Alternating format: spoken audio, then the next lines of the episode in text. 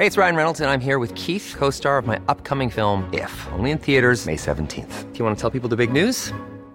All right, I'll do it. Sign up now and you'll get unlimited for $15 a month in six months of Paramount Plus Essential Plan on us. Mintmobile.com slash switch.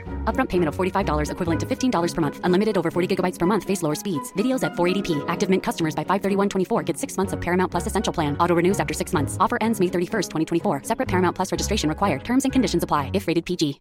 One size fits all seemed like a good idea for clothes. Nice dress. Uh, it's a it's a t-shirt. Until you tried it on. Same goes for your healthcare. That's why United Healthcare offers a variety of flexible, budget friendly coverage for medical, vision, dental, and more. So, whether you're between jobs, coming off a parent's plan, or even missed open enrollment, you can find the plan that fits you best. Find out more about United Healthcare coverage at uh1.com. That's uh1.com.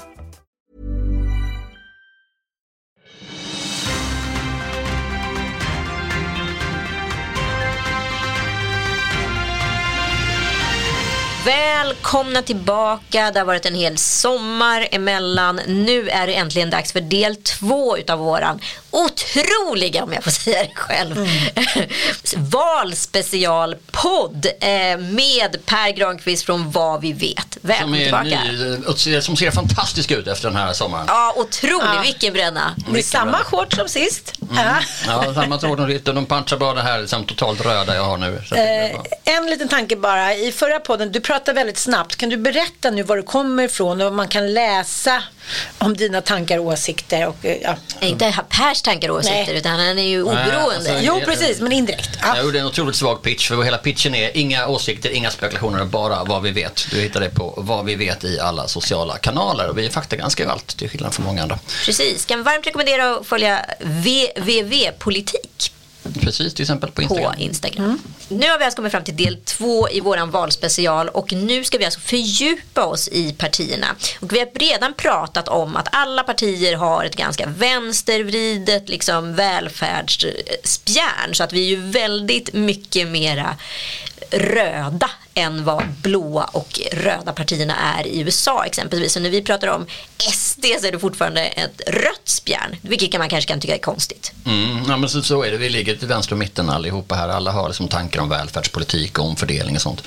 Ingen ska behöva klara sig helt själv. Men då tänker jag, nu ska vi fördjupa oss i vad de olika partierna står för. Så Per, snälla, berätta för oss.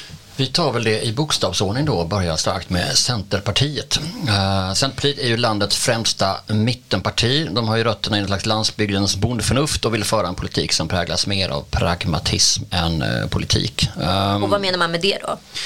Ja men de vill som, jag menar, vi har en partiledare som är från Maramö utanför Värnamo och Annie Lööf drar alltid tillbaka till det. Ja men det här är sunt förnuft och så här borde det fungera, så här borde det vara liksom. De var ju i förra valet en del av liksom en borgerlig allians allians. Och nu har de gång på gång markerat sin självständighet mot de andra blocken genom att gå med på att stötta regeringen i olika sammanhang och göra så här liksom. Är det smart? Många blir ju irriterade på liksom, Centerpartiet för att det är ett mittenparti, mittens rike. Vi kan inte välja vi, som är kanske det liksom, mm. klassiska budskapen från både Vänsterpartiet och Socialdemokraterna och jagets viktigheter som är de blåa blockens liksom, agenda. Utan vad gör man då i mitten?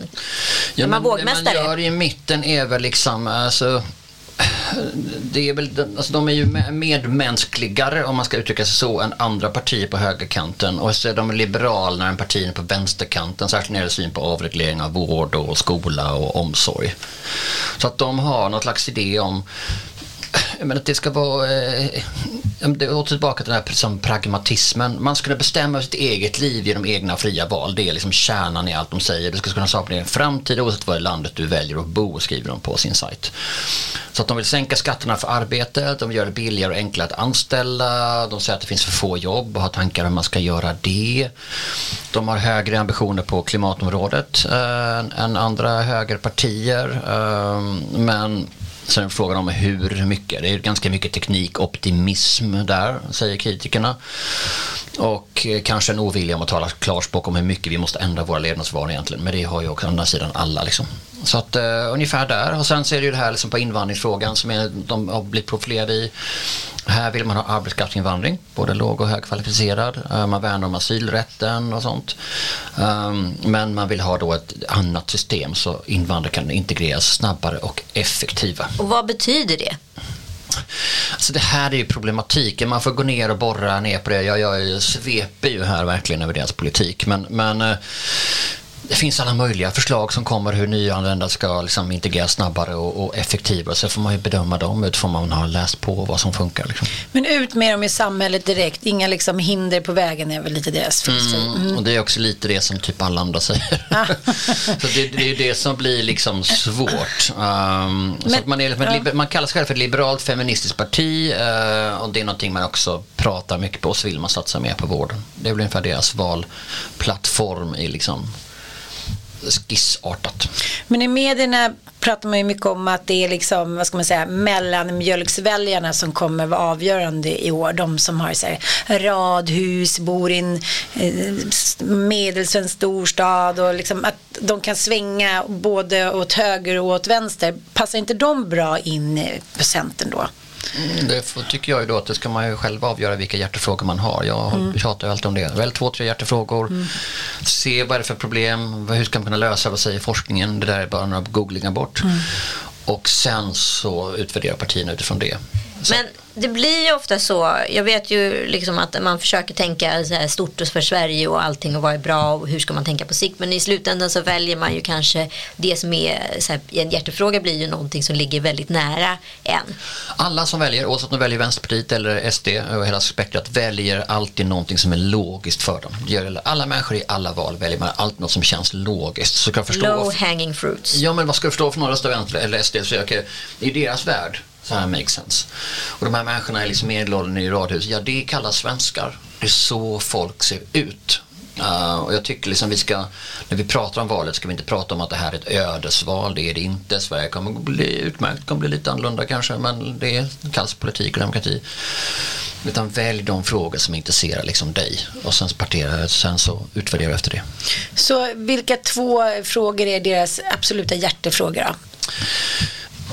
Vi kan säga att deras frågor i det här valet är arbete och skatter. Väljer ditt eget liv, kan göra det. Sänk skatterna på arbete. Eh, klimatfrågan, de vill att vi ska göra ännu mer på det området. Och sen invandring, att ha arbetskraftsinvandring men att förbättra systemet så invandrare integreras snabbare och effektivare. Mm. Vad tycker du om politiker överlag i Sverige? Politiker är jävla fina människor faktiskt. Mm. De gör väldigt, lägger mycket tid på det. Alltså det är fritidspolitiker i kommunen och i regionerna. Det är det mesta är fritidspolitiker, bara några få som gör det på heltid. Som balanserar det här med att hämta på dagis och eh, jobba och leva och grilla.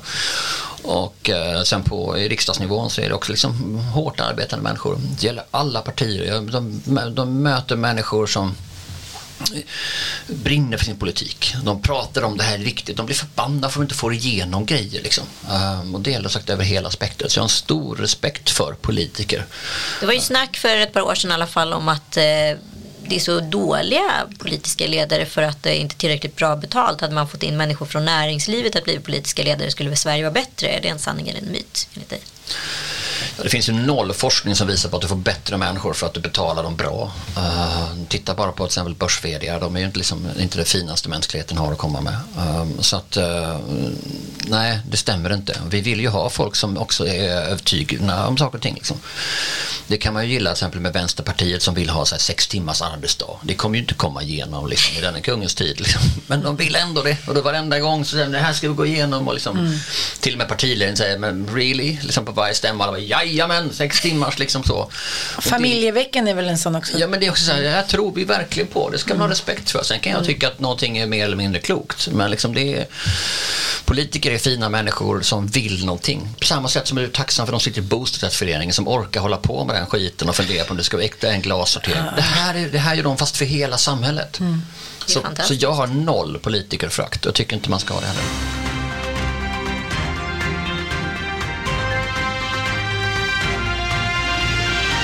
Vi tar oss vidare till nästa parti. Vi har många att gå igenom och sen ska vi komma in på sakfrågorna. Ja, Kristdemokraterna, K. Um, de vill förstatliga vården för att minska ojämlikheterna. De vill reformera äldrevården och de vill ha fler poliser. Där är deras tre valfrågor. Och vad betyder det? Med lite det kan man fråga.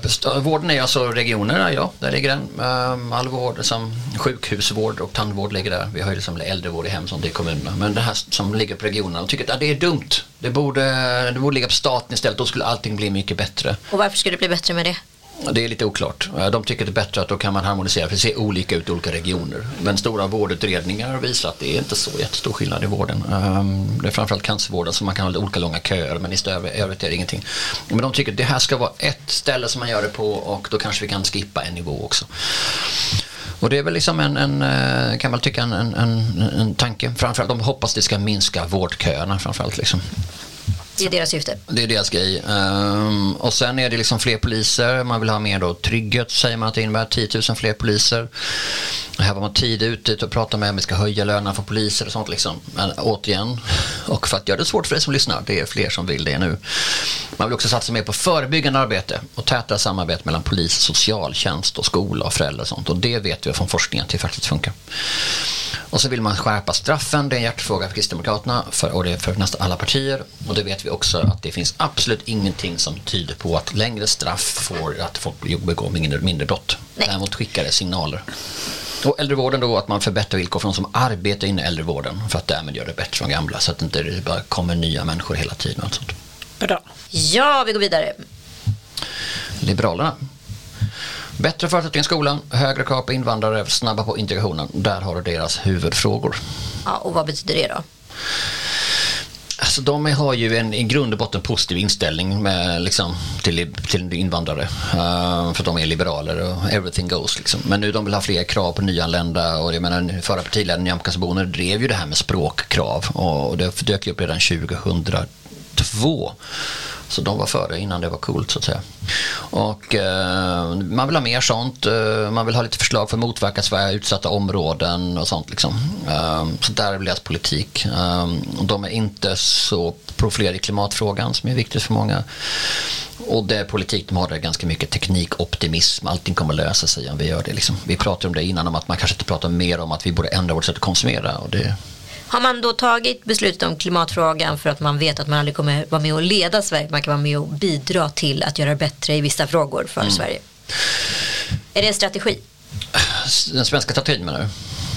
Jag menar, jag menar att så här, Liberalerna har liksom valt att inte profilera sig på miljöfrågan för att de vet att det kommer aldrig vara en kärnfråga som liksom, de kommer vinna mandat på för, för regeringen. Det kan man väl anta. Alltså de är ju skolpartiet, uh, Centerpartiet är Sunt förnuftpartiet, Kristdemokraterna är liksom... Så de är ett enfrågeparti egentligen? Alltså alla profilerar sig på sätt och vis som enfrågepartier. Centern är bondeförnuftet, Kristdemokraterna är kristna värderingar, Liberalerna är skolpartiet, Miljöpartiet är gissa vad, miljö. Moderaterna är företagarpartiet, Socialdemokraterna är allas lika rätt partiet, Sverigedemokraterna är liksom minska invandringen och slå vakt om välfärden och Vänsterpartiet är välfärden. Då är vi klara då. Ska ja, vi gå och ta en kaffe?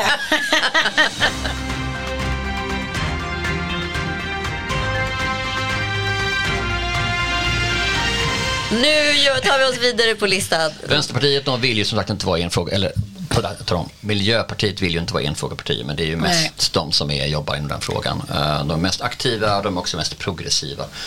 Varför är Greta inte aktiv medlem i Miljöpartiet kan man ju undra. Hon eh, pratar ju alltid om att vi ska lyssna till forskningen så hon har ju tagit politisk ställning på det sättet. Även om hon säger att det går för sakta och det har hon ju liksom rätt i. Jag tycker om man ska rösta på Miljöpartiet i kommuner, landsting, var tycker du att man ska lägga sin röst? Var är eh, Miljöpartiets röst viktigast att lägga för att kunna påverka? Nivå då. Mm. Um, därför att liksom miljöfrågorna är en stor kommunal fråga och det är i princip ingen fråga alls på, på region. Liksom. Ja, visst vi ska köpa in till landstinget enligt vissa certifieringar men det är inte liksom viktigt. Och kollektivtrafiken är ju i princip koldioxidneutral i hela Sverige redan. Så att det är lite skitsamma. Men på riksplanet om man tycker klimatfrågan är viktig så är det ju de som har mest förslag på det området. Mm. Och de har också blivit utvärderade som att vara som har de bästa förslagen, typ Naturskyddsföreningen och lite annat, vilket de ju gör en ganska stor grej av själva. Sen är de ju emot kärnkraft. Uh, de menar att det är ohållbart och så liksom kommer vi kunna lösa energibristen ändå? Det får man ju ha sina synpunkter på. Liksom. Mm. De har ju också profilerat sig såklart för att de är, är liksom, vi känner oss som hbtqi-frågor. Det har blivit deras grej också och även liksom inom invandringen. De ganska generösa i största allmänhet. Okej, men det blir det liksom ett spel för gallerierna för man kanske inte hinner med att vara liksom messias på alla fronter eller? Hinner man liksom satsa ihjäl sig på miljön samtidigt med att försöka lösa så här hbtq-problemen i Sverige? Alltså, vad, alltså, blir det liksom någonting alltså, man säger? På är ju, har ju en klassaspekt i sig att liksom de som tjänar mest släpper också ut mest. Det kommer man liksom inte undan och att människor som, och därmed kan vi komma in på hur det ska, olika grupper de gör liksom. Och sen hbtq och i och klimat har väl ingen klockren grej liksom. Men ju mindre parti, ju mer fokus på en fråga. Det här är klimat och miljöparti partiet som man hör i namnet och Liberalerna är skolpartiet därför att de ligger liksom risigast till. Men det har varit mycket diskussioner om just eh, elbilar, att det inte finns tankstationer, att det inte finns liksom möjlighet att kunna försörja, alltså göra den här konverteringen från liksom bensin till el så snabbt som vi hoppas på. Det måste vara en sakfråga för Miljöpartiet. Vi ska ju, eh, fakta är att vi ska ju räknas med att vi kommer att fördubbla vårt energibehov, vår energikonsumtion till 2040 tror jag det är. Liksom. Um, så fördubbla mot det. Och då måste vi bygga så vi har mer kraft så vi kan få göra mer egen el. Och vi måste bygga ut stamnätet, alltså de här kablarna från Norrland, det, det mesta till som produceras idag ska kunna gå till södra Sverige så vi inte behöver köpa lika mycket från kontinenten. Det är ju liksom det viktiga. Och då, men samtidigt vill man lägga ner kärnkraften. Hur får man ihop den här kalkylen? Det får de svara på. Det finns en teknikoptimism i det och, och Miljöpartiet skiljer sig från de andra partierna från att prata om att vi behöver ändra vårt sätt att konsumera. Sluta köp så mycket skit. Liksom så. Kan man lägga det på medborgarna eller ska det lösas på högre ort?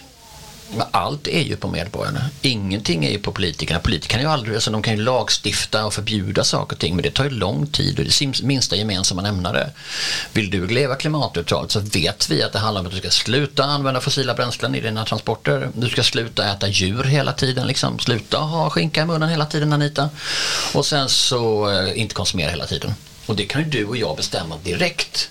Men som svenska vill jag gärna säga politikerna är så himla dåliga för de styr inte upp mitt liv. Och sen nästa, dumma politiker fick styra upp mitt liv. Alltså det, vi är väldigt dubbla i det. Liksom. Men vi säger vi måste införa sockerskatt för att vi inte ska bli så tjocka. Liksom. Så, så, skatt på läsk. Man bara, stäng munnen. Det är lösningen. Liksom. det är en ganska liberal idé kanske. Men vi kan ju påverka det här som själva. Sitt inte i era jävla villor i Bromma och tro att någon annan ska komma in och lösa grejerna. Det är vi som gör det. Liksom. Jag tänker också, vi har ju den här långa traditionen av eh, socialdemokratiskt styre.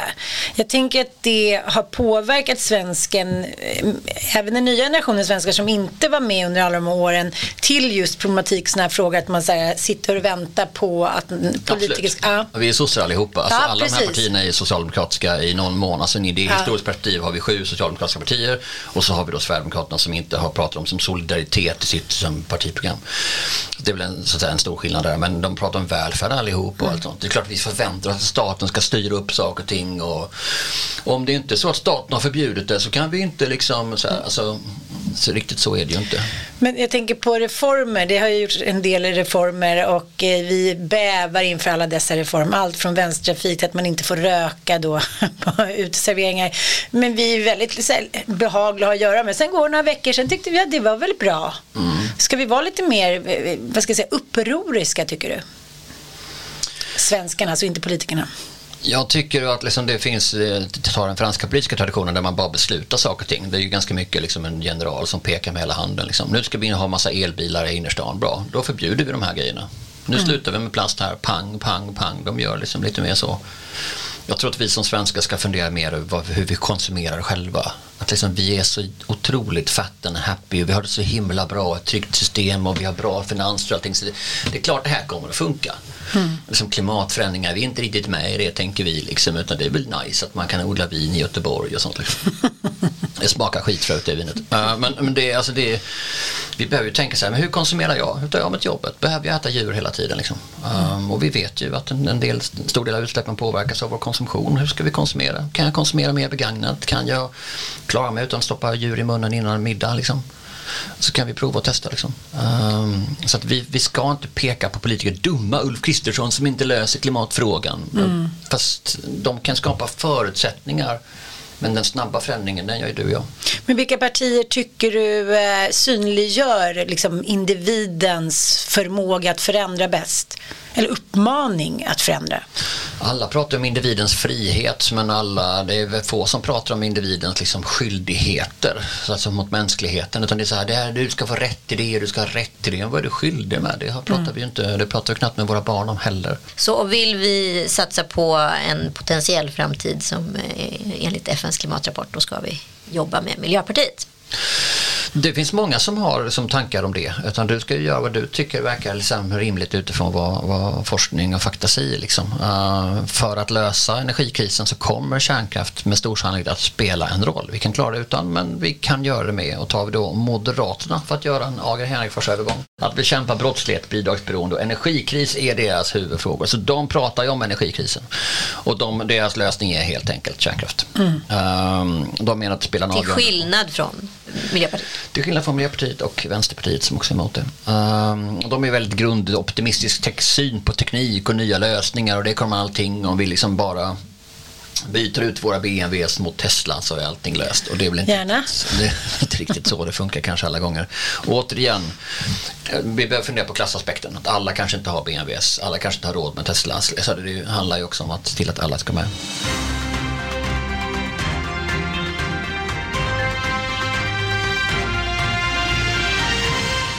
Hur ska vi ta hand om glesbygden? Har Moderaterna något eh, program för det? Det är inte någon fråga man profilerar sig utan det är brottsligheten. Man tycker att Sverige inte är ett tryggt land och det finns då ingen statistik som stödjer. Eh, utan liksom, Sverige är ett väldigt tryggt land på hela taget. Liksom. Men det är tråkigt att göra det som tidningsrubriker. Allting funkar relativt bra. Köp Aftonbladet plus. Just vote. ja. Utan, så man pratar om det, men sen vi har ju problem. Vi borde öka polisens kapacitet säger Moderaterna. Vi ska bekämpa gängkriminaliteten säger de och det säger sossarna och säger många andra också. Um, de vill, uh, marknadsekonomi är de ju för kan man säga och kapitalismen och mycket lösa utan statens inblandning. Så här är de faktiskt mycket mer höger än vad Sverigedemokraterna är. Just det, det är ju rätt intressant. Men jag undrar liksom, varför finns det ens opposition i Sverige när vi alla är lätt vänstervridna? Varför tar liksom inte bara Maggan och Uffe varandra i händerna och säger så här, hej hej, nu är ni alla andra ytterkantspartier, vi går, vid, vi går den stora liksom, motorvägen rakt framåt. Därför att om man är väldigt lik varandra så kommer man hela tiden att prata om hur jävla olik man är. Liksom. Um, det är väl egentligen bara tvillingar som inte gör det. Annars pratar ju alla om hur himla olika de är i sina syskon och vi säger så och jag har min roll och allt sånt. Liksom. Och då har vi hittat de här rollerna. Och då är det svårt att, att liksom räcka handen över den där som mittgången i riksdagen och säga hörni, ska vi inte göra det här? Men behöver vi ha så många partier då? Är det nödvändigt? Nej, alltså, nej, det är det ju inte. Det finns ju inga naturlag som ska ha många partier. I de, partier. I de länder där man har färre partier, som i USA där man bara har två, där finns det istället olika falanger. Jag vet inte sjutton om det är så mycket bättre. Alltså då, då är de ju allihopa all over the place så att säga. Eh, så det är nog ganska bra att ha, att ha det. blir lättare för oss på så sätt liksom. Um, och Moderaterna har ju också sedan förra valet pratat mycket mer om det här med integrationen av nyanlända. Man vill ju inte framstå som, som eh, främlingsfientliga. Och det är väl inte inget parti som uttrycker sig som att vara främlingsfientliga utan man pratar om att vi måste klara av integrationen och det är ju också ett tecken på att hur vi kan förändra en diskussion och prata om den och man tycker vi inte har ett, ett bra system för det och då vill man göra massa andra saker i det. Det här var ju jättepolariserat för bara tre år sedan. Sa man någonting inom det här området så skrek ju folk rasist. Det verkar som att det har kommit en förflyttning. Jag vet inte om den är positiv eller negativ. För att förstå det tror jag att man måste definiera folk. Och det tror jag är folk som jobbar i media eh, eller som jobbar i närliggande branscher, kanske opinion och som ju slentrianmässigt bor i Bromma, Enskede och Vasastan. Och det är inte den verkliga världen. Bland liksom fläskfilét-folket som bor i liksom någonstans ute i, i, i landet. Skönt, jag bor inte i något av områdena som du nämnde, till skillnad från dig Ann. Du är så djupt förankrad i verkligheten Anita, cred till dig. Men så det är ju liksom, det, är liksom, folk sa det. Men folket i allmänhet förstod nog också den här grundläggande idén som ju är rätt rimlig. Det är klart vi ska ta emot så många vi bara kan till Sverige under förutsättning att vi har ett system som kan integrera dem så att de sen bidrar till det. Flyktingar är inga problem, de ska ta hand om det, synd om dem, sen ska de tillbaka. Det är ju klassiskt liksom. Men integrationen måste funka det och har inte funkat systemet så kanske vi borde säga nej till vi fixat systemet. Det är inte ens hyggligt för de som kommit hit. Det här är en ganska liksom, rimlig analys som inte ens är partipolitisk. Men om då parti, partierna pratar om bla bla bla, stöveltramp från 30-talet eller främlingsfientlig dit och dit eller rasistisk. Om man svänger sig med för så stora ord, då tror jag att man tappar kontakten med vanligt folk som ser att liksom, här kommer ju som tre familjer från Syrien och de får liksom inte riktigt jobb här i Forsheda och de får ta bussen in till Värnamo och sen, alltså. Och det som diskuterades på senaste partiledardebatten så var, visade det sig tydligt att en, en, en kvinna som kan vara hemma och leva på bidrag självklart gör det istället för att vara ute och jobba och få 10 000 mindre. Det makes sense. Ja, det är klart att det är det. Men sen, och det stämmer inte heller. Alltså, forskningen visar inte att, att, att bidrag eh, pacificerar människor utom i några enskilda fall. Utan folk vill göra rätt för sig. Men partiledardebatter är också skit att titta på. Det är bara mimfabriker. De sitter där och så får de klipp med en SVT eller TV4-loggo liksom, och så ska de ut. Men TV4s partiledardebatt är ju 60 sekunder långa. Ja, det är för att det passar för stories. Så det är jättebra för alla inblandade men man får ju bara ont i huvudet av det. Så, och det beror ju på att de inte står där för att övertyga varandra eller debattera. De vill bara säga lite här. Han verkar ju helt dum i huvudet med den här åsikten, eller hur? Det är som tv-shop för partierna. Oh, TV-shop är ju faktiskt högkvalitativt jämfört. Det är så dåligt. Alltså det är lika dumt som att göra som jag pratade om här innan sommaren om liksom valkompasser. Det gör dig inte klokare för att det är ovetenskapligt, det är inte nyanserat liksom så. Och du kan inte bry dig om alla frågor heller. Två, tre frågor och that's it. Precis, har du inte hört eh, avsnittet som vi spelade in innan sommaren, det vill säga valspecial 1, passa på att göra det innan du tar det här beslutet. Jag måste också ställa en fråga. Eh, du sa ju förut att eh, den enskilde politikern, alltså den som står i frontlinjen för ett parti, Ebba Busch och ja, Magdalena eller liknande, de är inte partiet. Men jag tänker till exempel när eh, Reinfeldt då, han gick ju till val för att, ja men blott att han skulle då sänka skatten och folk skulle få mer liksom, pengar i plånböckerna. Sen fick han ju feeling då, eh, lite, det blev nästan, eller, eller spontant, men då började prata om eh, ja, ökad invandring och vi skulle öppna våra hjärtan och sådär. Mm, mm, ja, släppa in dem och det blev ju hans fall. Mm.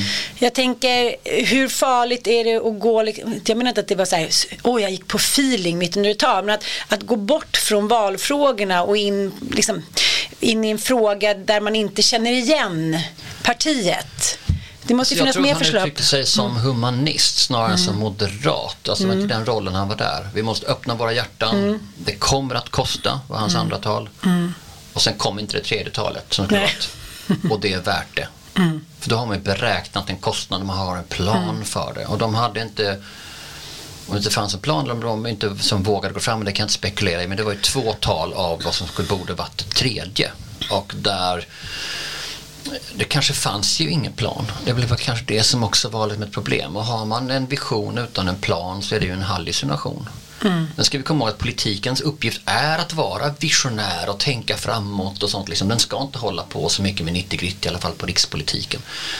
Så att eh, men där skulle jag säga att de här linjetalen som man alltid hade förr, ny partiledare inom Socialdemokraterna eller ordförande i LO, de som håller linjetal. Följande gäller under kommande perioden. Man kan berätta vilken linje man slår in på för man är helt säker på att man ska ha makten under den här tiden. Så har vi inte de längre, de här stora ideologiska talen de är ju, saknar vi ju i Sverige av den anledningen. Liksom. Vi kan få någon klämmig formulering med liksom, hjärtlandet som är en formulering snott från USA eller något liknande. Men den här Reinfeldt var ju på väg att han var en stor talare på det sättet. Liksom. Och det gör den svenska politiken lite torftig att vi inte har kvar det längre. Um, Inga ideologister. Det, det, finns massa ideologi men det är liksom så praktiskt. Alltså vi är inte ett folk av liksom intellektuella giganter som drar upp de stora grejerna. Vi är duktiga på liksom att sortera olika varukategorier, effektivisera varuflöden och uppfinna liksom tekniska prylar. Liksom. Vi är liksom ett litet land i norr. Precis, det kommer inte bli en ny Palme bara för att Ann Linde är lite sur ibland. Nej, och det, liksom, det finns ju vissa av de nya partiledarna som jag tycker är, som är duktiga på att tala. Um, inte minst Jimmy Åkesson är hemskt duktig på att tala liksom, och kan få, som ska tala på ett sätt som, som får någon slags klangbotten i, i ett folkdjup. Uh, Sen kan man tycka vad man vill om honom. Liksom. Ja men absolut, det är en konstform hur som helst att vara en god retoriker. Ja, och sen är det ganska mycket att bara hålla kvar i det. Sverigedemokraternas politik har ju sett likadan ut, vi kommer tillbaka till den, men jättelänge. Och det är väl det som är liksom grejen. Men vi är ju på nästa bokstav, då Socialdemokraterna kommer först. Ja, varsågod.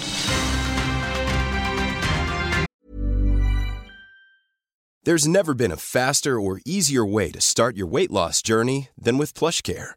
PlushCare accepts most insurance plans and gives you online access to board-certified physicians who can prescribe FDA-approved weight loss medications like Wigovi and Zepbound for those who qualify. Take charge of your health and speak with a board-certified physician about a weight loss plan that's right for you. Get started today at plushcare.com slash weight loss. That's plushcare.com slash weight loss. plushcare.com slash weight loss. Life is full of awesome what ifs, and some not so much, like unexpected medical costs. That's why United Healthcare provides Health Protector Guard fixed indemnity insurance plans to supplement your primary plan and help manage out of pocket costs. Learn more at uh1.com.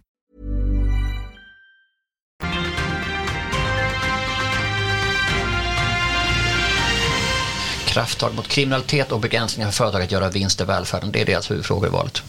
Punkt. Okej. Ja men det är ganska intressant att se. Liksom, de har ju ofta tittat hur man ska göra och man, man har ju alltid liksom försökt.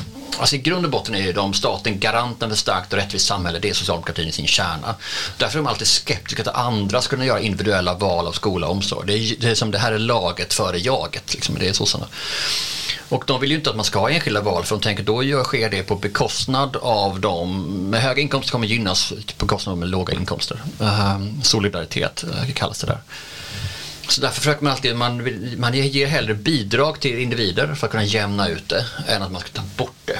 Så i Sverige har vi till exempel inte social housing, att folk som är fattiga bor i särskilda hus. Utan de kan ju bo var som helst och så får de bidrag istället. Det är som en central Precis. del av det.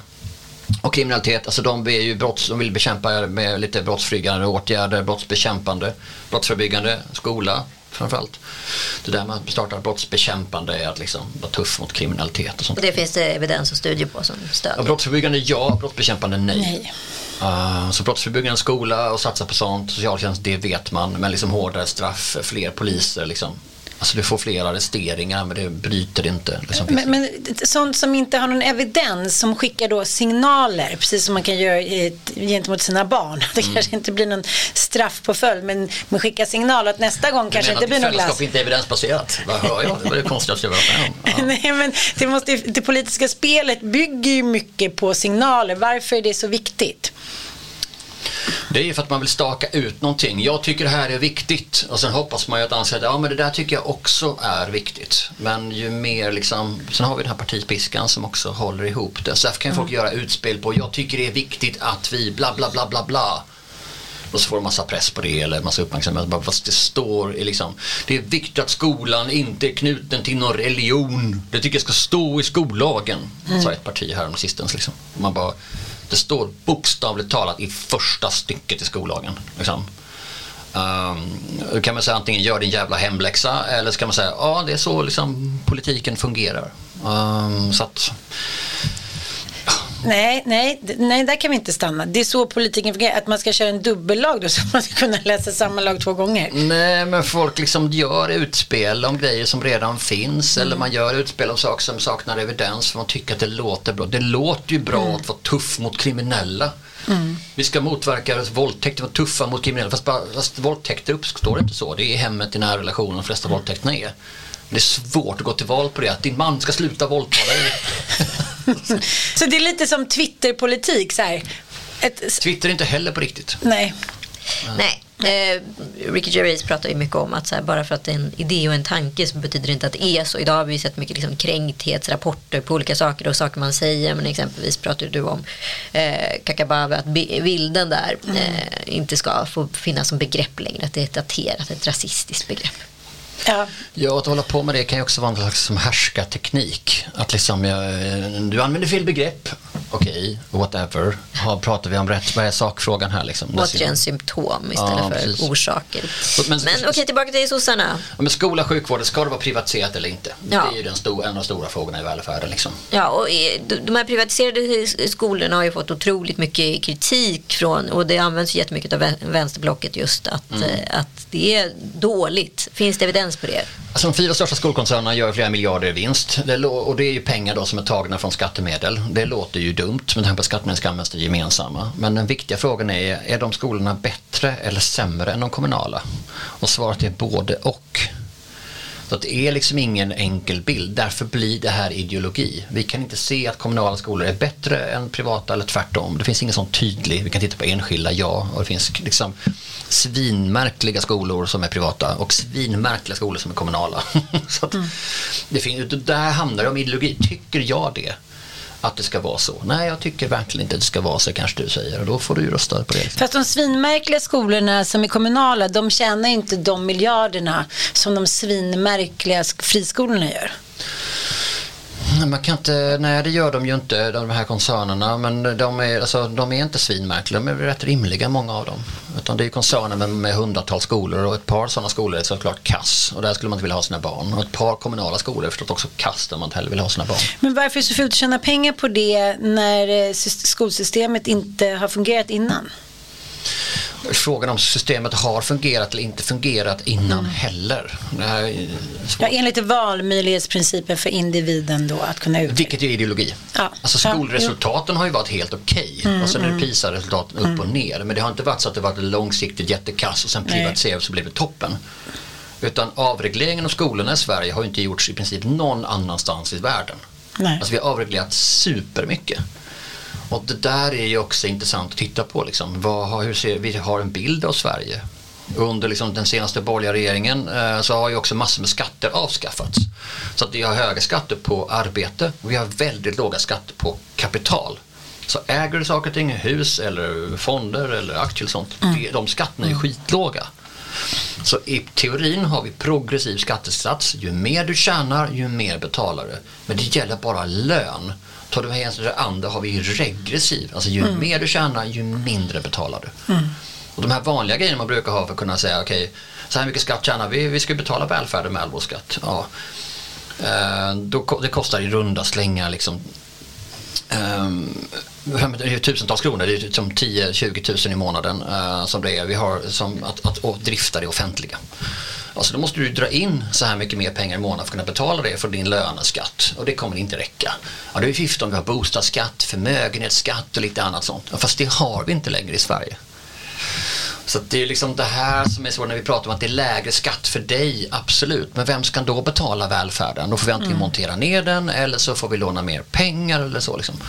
Och det är de här liksom följdfrågorna man behöver ställa sig. Vem ska betala det? Och det hittar vi nästan aldrig i några politiska program att man har liksom flera led. Utan vänstern säger höj skatterna och högern säger sänk skatterna. Och det är, det är sällan så här, och då tänker vi att man ska omfördela så här, så här, så här det finns i några pärmar någonstans men står inte i valplattformen. Men det finns ju inga samhällen som liksom blir mer välmående av att klassklyftorna ökar och det har de ju verkligen gjort i Sverige senaste åren. Vi har ökat klassklyftorna mer här än i något annat ah. OECD-land. Mm. Um, det tycker jag är skamligt. Ja, du kan ju tycka det. Det är din uppfattning. Liksom. Um, alltså det har ökat, det vet vi. Men om du tycker det är rätt eller fel det är en annan grej. Liksom. Mm. Driver det verkligen att folk liksom blir mer entreprenöriella och sånt? Liksom? Det är väl lite oklart. Ja, samtidigt så skapas arbetstillfällen eh, när folk startar, startar bolag. Så att så här, det, det, alltid, allt det mm. onda får man ta med det goda. Men det är inte där vi får in pengarna ju. Nej. Det är inte där, de stora pengarna kan man få in på andra sätt. Liksom. Så att det är svårt med politik. Liksom. Um, vi kanske ska prata om att sossarna har ju sin klimatpolitik också. Mm. De har alltid kritiserat för en tydlig klimatpolitik. Uh, för att det har inte varit deras kärngrej liksom. Det har varit andra som hållit på med det. Och Göran Persson hade det här berömda talet om det gröna folkhemmet. Uh, och det var ju svinbra formulerat. Mm. Men det var inte så många som tyckte om Göran Persson. Så att jag, folk, problem. Som jag, folk som jag pratar med säger så här, hade det inte varit för att Göran Persson hade sagt det hade vi nog fortfarande pratat om det gröna folkhemmet. Mm. Fast är det någon som ens kommer ihåg att han har sagt det tänker jag så att de borde kunna ja, återanvända men, Det är också intressant, de är ju jobbpartiet vill de vara så att värna miljön handlar om att skapa ett långsiktigt starkt samhälle med många jobb säger de. Eller vi vill vara världens första fossilfria välfärdsland. Så det är de här klassiska um, sossepolitiken man kan ta där. Men han blev ju populär när han gick på med maxtaxan. Mm. Mm. Så det, men, men, det fanns en miljöpolitik där från början som sen inte liksom, de är inte mot miljön alls och de driver grejer men de har aldrig som riktigt profilerat sig i, i den frågan.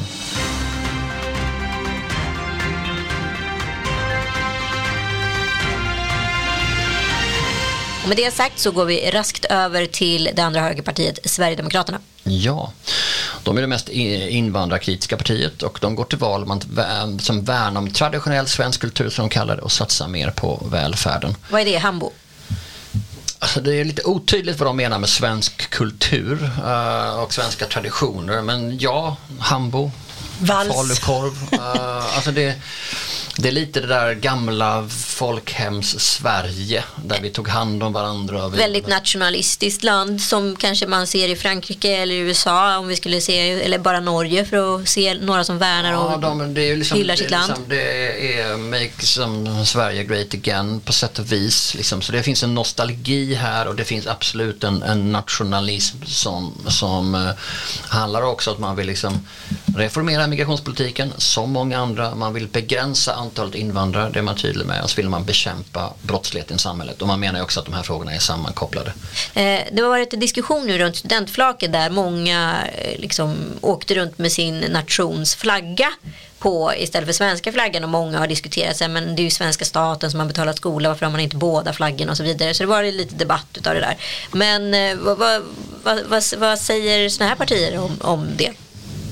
Ja, det finns en slags idé om att man ska vara tacksam för det och att man, eh, alltså att integrera innebär ju inte att assimilera. Alltså att assimilera blir ju precis som, integrera att du funkar som liksom. Men vi är ganska många skåningar som har liksom skånska flaggor i tid och otid och vi är ju liksom integrerade. Vi hävdar ju att vi är skåningar, alltså vi är inte assimilerade. Så att liksom det, eh, det är ständigt den där att man, man alltså ofta liksom, det kanske inte är så mycket att man slår vakt om den svenska identiteten och kulturen som att man eh, pratar mycket om vad man beskriver som hot mot den. Um, men uh, samtidigt äter man kåldolmar som en turkisk uppfinning. Alltså, alltså det, det är en, en, eh, man är ju rädd för att vi ska ta emot mycket människor, ska kosta samhället väldigt mycket och sen ska det då drabba andra. Till exempel om man ställer, har ställt invandrare mot äldre och det är så att fast de som kommer här nu de betalas ju då i statlig budget um, när de kommer hit med Migrationsverket och det är inte efter två år för de blir en lokal budget. Så att det kommer liksom 30 nya flyktingar till din kommun påverkar inte din farmors lunch alls. Arabiska är Sveriges näst största språk. Vad säger eh, partier som SD om det här och vad säger araberna själva om SD? Alltså, jag tror inte, som när man hör företrädare för partiet så pratar de om att det är tecken på eh, kulturell fattigdom. Är man i Sverige ska man prata det här språket och så vidare. Liksom. Och det kan man naturligtvis ha som synpunkter på. Det finns ju ganska många arabisktalande som röstar på SD därför att de då menar att den integrationspolitik som funnits eller de metoder som funnits inte har fungerat. Och med en liksom, taxichaffis i Malmö är sannolikheten att han röstar på SD är hyggligt stor faktiskt, har jag märkt. Ja, det är väl många av eh, de minoritetsreligionerna som röstar på SD. Det kanske man inte pratar så mycket om. Men så är det ju. Ja, och det är för att de delar då den bilden som, som, som det här partiet har av hur politiken funkar. Liksom. Um, och sen tycker jag det är intressant när det gäller klimat som är en stor och viktig fråga är ju att Sverigedemokraterna de pratar inte så mycket om det. De pratar om kulturlandskapet, bevara svensk landsbygd, svensk natur. Och de menar ju att det i princip är meningslöst att göra några stora förgripande omständigheter här eftersom vi står för så liten del av de globala utsläppen. Utan det borde finnas kostnadseffektiva sätt på andra håll i världen och allt sånt. Liksom. Um. Fast det finns väl mätningar som visar att just sådana länder som Sverige är stora liksom, CO2-bovar. Vi har en stor påverkan eftersom vi betraktas som ett föregångsland. Ja. Uh, och vi har nästan, nästan en helt fossilfri energi för, som produktion idag. Um, så att där kan vi vara det. Liksom. Men de, de uh, vill inte höja skatterna på fossila bränslen. Det har att göra med att det är den folkliga förankringen. Uh, du ska kunna köra din bil upp i Norrland länge och sånt. Liksom. En EPA, en EPA. En EPA är en, eh, inte längre en EPA, utan EPA det ser ut som en personbil nu för tiden. Men, den bara går men det är bara sakta. i Stockholm. Uh, nej, utanför landet. I Stockholm är det bara att det är Porsche som är EPA-traktorer. Uh, detta är nästan fakta. Um, så man pratar hela om skogsvård, biologisk mångfald och undvika miljöförstöringen, att prata om klimatförändringar. Man undviker miljöförstöringen. Spännande retorik. Kör sakta med EPA. Ja. ja men det, men, men, det, det är som är spännande. Här kommer ideologin in. Vad är det för fråga? Blir den svenska mm. identiteten de slår vakt om så kan man säga det är alltså en, om de är ett enfrågeparti. Och sen är det bara att det får inte komma någon annan, för många andra hit för att hota det eller liksom vi måste ändå kunna köra EPA-traktorer här även i framtiden. Men de pratar ju mycket om att de eh, vill värna om den svenska kulturen men de eh, hatar ju kultureliten till exempel. Alltså det är deras jag tycker det går lite stick i stäv. Det gör nästan alla faktiskt. Alltså det är väldigt... Och stockholmare i Ja, men det är stockholmare. Jag menar, det är Stockholms jävlar har man ju, jag är uppvuxen med det liksom. Mm. Uh, så det är ingenting som är liksom konstigt och det finns väl en viss fog för det. Mm. När vi har företrädare för partier eller för tidningar som håller på att debattera varandra mm. i liksom varandras kanaler eller på Twitter. Liksom. Det är klart att det är lätt att det uppfattas som att här saknar man en slags folklig förankring om vad som, hur läget är i Vara eller hur vi ska se till att det blir bättre att leva i Ödåkra eller någon annanstans. Jo, men eh, deras förslag på förbud mot tiggeri och att de har tagit ner då liksom eh, prideflaggan i några tillfällen. Så här. Andra partier hade ju kunnat liksom krascha totalt på grund av det. Men det är lite att vi har vant oss vid Sverigedemokrater. Så här. Ja, vi har resignerat, låt dem hålla på. Det är lite, tycker vi att de är lite underhållande? Jag tror att media tycker det är skojigt att skriva om dem. Det blir ju ständig rubrik, det blir mm. content va? um, Precis va? Så de är en riktig sån contentfabrik på det sättet. Sen är det ju, finns det alltid den berättelsen om hur lokalpolitiker SD hoppar av och tomma stolar. Mm. Och det utmärker dem tillsammans med Miljöpartiet som också har samma så att säga, lokala problem att behålla. Liksom. Men uh, Alltså, prata med en sverigedemokrat som i din kommun, liksom, det är ofta en ganska rimlig människa. Liksom, ungefär lika rimlig som socialdemokrater eller vänsterpartister eller liberaler vad det nu kan vara. Liksom. Um, sen är det ofta så att de som är från Sverigedemokraterna har, har kortare politisk historia för det är ett ganska nytt parti. Så de hade inte folkrörelser, de har gått dussintals år. De kan kommit in lite mer på liksom, ett bananskal. Um, så att de kanske inte har samma förståelse för systemet och saker går långsamt och sånt. Liksom. Men det är ju det nya partiet kännetecknas ju alltid av det. Okej, då har vi bara ett parti kvar va? Jajamän, mm. Vänsterpartiet.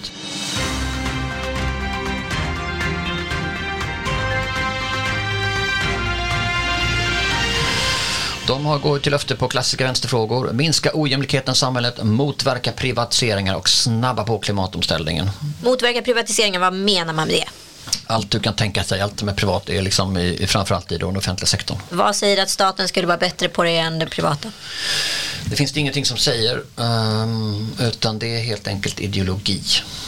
Utan eh, privat eh, tandvård var vi ju vana vid ett tag liksom, innan vi hade, sen då vi privatiserades ganska tidigt. Eh, ett privat apotek är väl lika bra som ett statligt apotek. Liksom så.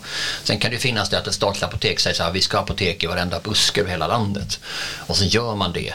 Men även ett statligt apotek inser så småningom att det är dyrt att ha en massa apotek i varenda buske. Vi kanske ska ha i var tredje buske. Och så får man tillbaka det. Liksom. Så att, eh, men det är, ju, det är ju inställningen. Ska våra skattepengar gå till privata intressen eller inte. Det vill säga man kan göra vinst som man kan plocka ut själv och gynnas av. Ja, och då blir det det de sätter i fokus mer än om hur effektivt är liksom den här skolan. Sen försöker man sätta jämlik, liksom, likhetstecken och det är klart att det finns jättemånga eh, exempel på där man har, där det har blivit knas. Uh, men därmed är inte sagt att, liksom det finns, att vi kan säga så tydligt som, som man säger här. Vad, vad kan vi förvänta oss om vi röstar på Vänsterpartiet? Är de så vänster som de vill göra gällande? inte i internationell perspektiv, alltså de är ju inte kommunister. Uh, I Frankrike har vi kommunister som är mm. stolta liksom, och tycker att Stalin hade en och andra poäng vi ska ta med oss. alltså, å andra sidan, det var inte så länge, jag menar, så fruktansvärt gamla inte jag. När jag växte upp, vi är ungefär lika gamla, så fanns det det här resonemanget om att Sverige, här har vi minsann varken liksom kapitalism eller på vi har planekonomi, kommer du ihåg det? Ja, ja, ja. Som presenteras som citat, det bästa av båda världar. Så både McDonalds och liksom massmord. Ja. Jag, men... Lite som Ryssland nu. Ja, alltså det blir väldigt mm. spännande. Men de, är ju liksom, de, var ju, de var ju VPK en gång i tiden och sen blev det VP. Vänsterpartiet, kommunisterna som man skojade om på 80-talet. Mm. mm. Exakt. Mm. det är ju väldigt, ändå liksom, ideologin är ju fortfarande väldigt röd. De är väldigt ideologiska. De är ju ett litet parti. De kommer ju aldrig få något stort inflytande. De är inte ett, ett självklart regeringsparti. Men de är duktiga på att förhandla. De är duktiga liksom och, och eh, det kan vi säga inte minst eh, Nooshi Dadgostar har ju varit superduktig på det liksom, när det gäller bostadspolitik, att stoppa här och göra sånt. Liksom. Så de, eh, på sätt och vis kan man ju liksom, jag hatar att tänka på att man ska få en bang for the buck för det här är inte ett sånt system. Att vad fan får jag tillbaka för mina pengar? Det är ju banalt sätt att säga det. Men den som röstar på Vänsterpartiet vet att de kommer aldrig hamna i regeringsmakten eller mycket osannolikt. Men de kan ändå få igenom sina profilfrågor. Mm, mm. Uh, och det är det de vill som strida för. Um, och så vill de öka jämlikheten i samhället. De tycker att vi har en felaktig skattepolitik som gynnar rika. Det stämmer. Man vill återinföra förmögenskatt um, som vi pratat om. Ta bort RUT och ROT-avdrag som man tycker bara gynnar de som har råd. Uh, man vill höja pensionerna. Man vill skydda vanliga löntagares ekonomi mot prishöjningar på energi och drivmedel. Alltså 700 hjärtefrågor. De här finns ju liksom sånt. Um, så att, um, Föräldraledigheten är också en av deras hjärtefrågor. och de var väl väldigt progressiva i just i hbtq-frågor mm. också. Jättemycket. Och det är ju allas lika rätt och liksom sånt. Um, mer trygghet på arbetsmarknaden. De är ju egentligen mot bemanningsföretag. Och, liksom. och de är också men hur ska de lösa det då om de är mot bemanningsföretag? Det måste ju finnas konkreta lösningar. Ja, men det finns lite sådana lösningar om jag on top of my head. Men, men det är liksom uh, de menar att möjligheten för utländska bemanningsföretag som verkar i Sverige kan leda till lönedumpning för de får okay. betala en öl. Liksom. Exempelvis en Uber då eller liknande? Ja precis, liksom, om de hade haft kollektivavtal. Och sen så att alla ska omfattas av kollektivavtal och ingen ska kunna jobba med alldeles för låg lön och sånt. Liksom. Vi har ju inte minimilöner i Sverige som alla andra länder har utan vi har ju att det ska förhandlas. Så att om du är villig att, att jobba för 30 spänn som barnvakt så får du göra det. Uh, medan i andra länder så finns det en som minimilön, minimilön man aldrig får gå under. Och det är för att vi litar på systemet där arbetstagarna och arbetsgivarna de kommer att komma överens. Staten ska inte blandas i här. Men så är det inte längre. Jo, vi har inte minimilön i Sverige. Nej, men det, är inte så, det systemet funkar ju inte när man kollar på de här eh, utländska företagen som kommer in. Nej, men då är det ju EU, fri rörlighet av eh, arbete, tjänster, produkter och du vet, det där. Så då men kan det komma in. Danmark har tagit bort Uber.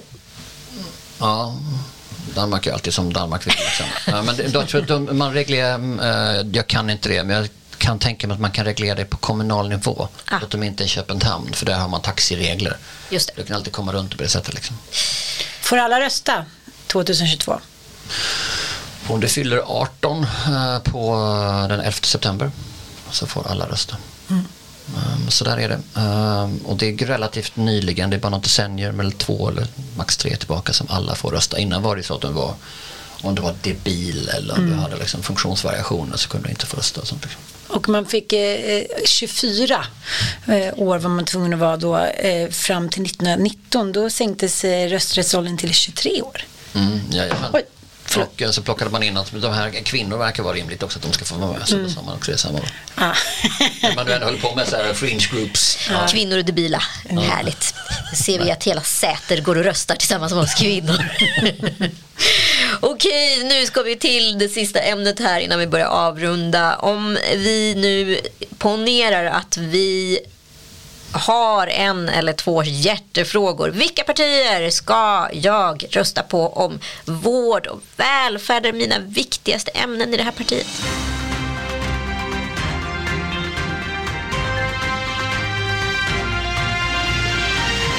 Det kan inte jag svara på, utan det behöver du ta reda på själv. För ingen tycker att vår sjukvården i sin helhet är bra.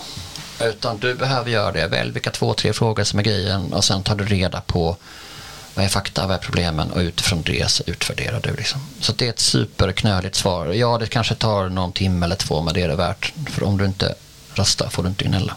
Lag och ordning, vilka partier ska vi rösta på? Alltså det är ju det som är intressant det här att alla, jag kommer svara samma sak på alla dina frågor vad ni säger här. Därför att de är också ganska lika. Det är inte helt lätt att göra det. När du utvärderar partierna, så alla vill nu ha liksom strängare straff fast det finns liksom noll evidens för det hur resonerar de kring det? Um, så det är ett bra på så sätt liksom. Klimatfrågan, hur, hur ska vi hantera det? Ja, är vi för eller mot kärnkraft egentligen den viktiga frågan. Liksom. Integration, invandring, skola, utbildning, miljö, klimat, energipolitik och så försvaret. Mm. Alltså överallt behöver man gå in och titta vad är det här som är liksom viktigt. Vad jag vill ha som medskick är att välj två, tre grejer. Det är liksom sinnessjukt att tro att man ska vara insatt i alla frågor. Utan välj två som tycker verkligen är viktiga. Det kan vara något helt annat än förra valet. Du får säga att jag skiter i gamla.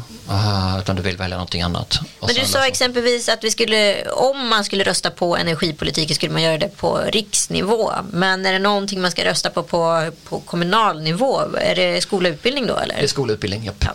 Så, så, så, precis så kan vi säga. På, på kommunal nivå då är det som skola, och, och vård, omsorg, alltså äldrevård lokalt. Um, och, uh, men tandvård och sjukvård, alltså tänk sjukhus och tandläkare, det är då regionalt, det är viktigt.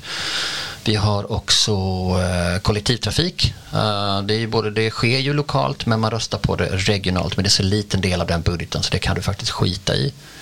Um, och sen är de stora frågorna som är de här nationella. Då kommer en del människor säga att det här är Sveriges utrikespolitik bla bla bla. Skit i vad de säger inom det därför att det är inte heller viktigt. Det avgörs ju hela tiden för vi har världen som styr den.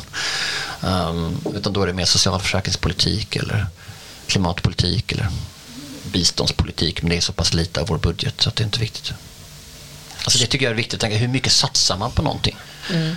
Alltså vi har ju att den svenska statsbudgeten, alltså staten, sen är kommuner och landsting och annat, men den är på 1200 miljarder. Just det. Uh, så att liksom när någon gör en storsatsning på 50 miljoner så är det antagligen ingen storsatsning. Nej. Alltså, Skuggbudget, en, vad menas med det då? Skuggbudget är att uh, ett parti, när, när regeringen har lagt fram sin budget och försöker få igenom en riksdagen så lägger de en annan budget. Och det är för att kunna säga att ja, hade vi gjort det så satsar vi på det här. Och det är också att när man sen röstar kan man då rösta på sin egen budget, på någon annan budget eller på regeringens budget. Och då kan man säga så här, vi röstar alltid på vår egen budget. Mm -hmm. Så röstar Centern på sin egen budget i första omgången. Och sen är det ingen annan som röstar på Centern. Och sen är det omgång två, då röstar vi på regeringen. Men vi har röstat på vår. Jag vill att ni skriver ner det.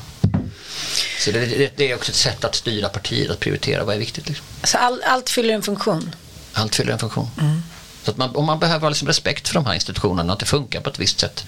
Vi kan tycka att det funkar konstigt, men det är ju för att liksom vi inte är i det systemet då. Alltså, vi, om vi tar oss in i en frisörsalong och träffar dem jobbar kanske vi tycker det verkar konstigt. Vi förstår inte heller det systemet. Alltså det, alla yrken har sitt, det har sitt hantverk och sina institutioner och sina system.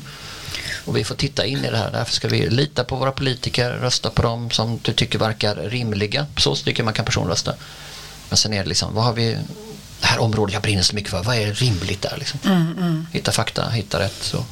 så alla de här uttrycken som vi använder, ödesval och viktighetsval, det är egentligen bara på eftersom eh, alla partier någonstans ligger ganska mycket socialdemokratiskt och till vänster så är det så här, egentligen spelar det inte så stor roll vilka vi röstar på eftersom det kommer bli ungefär likadant vilket parti vi än röstar på. Är, det min sammanfattning som är superbra? Ja, du är inte helt fel. Det är mycket mer att säga, det är mycket mer sant att säga det här är ett ö alltså, det är klart det är sant att det är ett ödesval för demokrati bygger på val. Det är det som avgör ödet.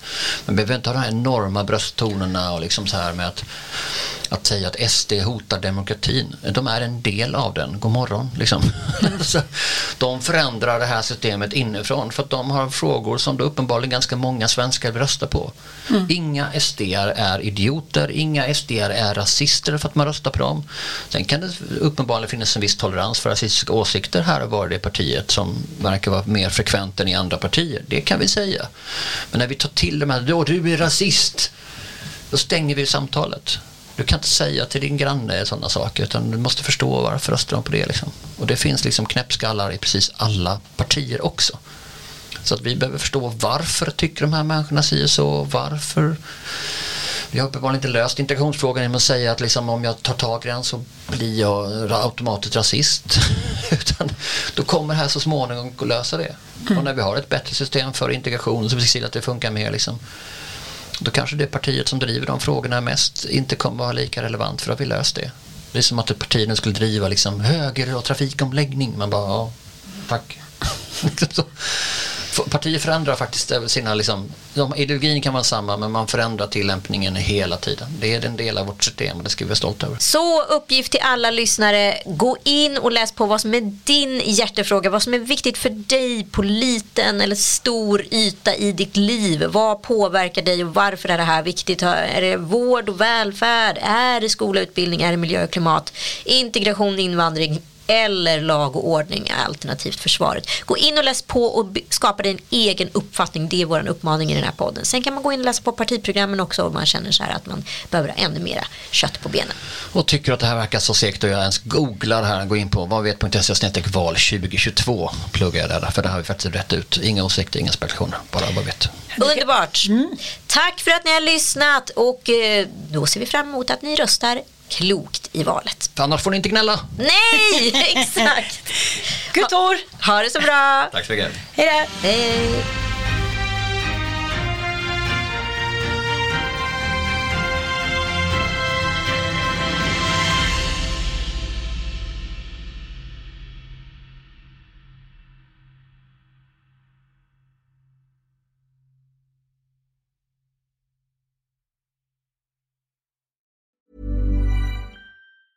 Hey, it's Danny Pellegrino from Everything Iconic. Ready to upgrade your style game without blowing your budget? Check out Quince. They've got all the good stuff shirts and polos, activewear, and fine leather goods, all at 50 to 80% less than other high end brands.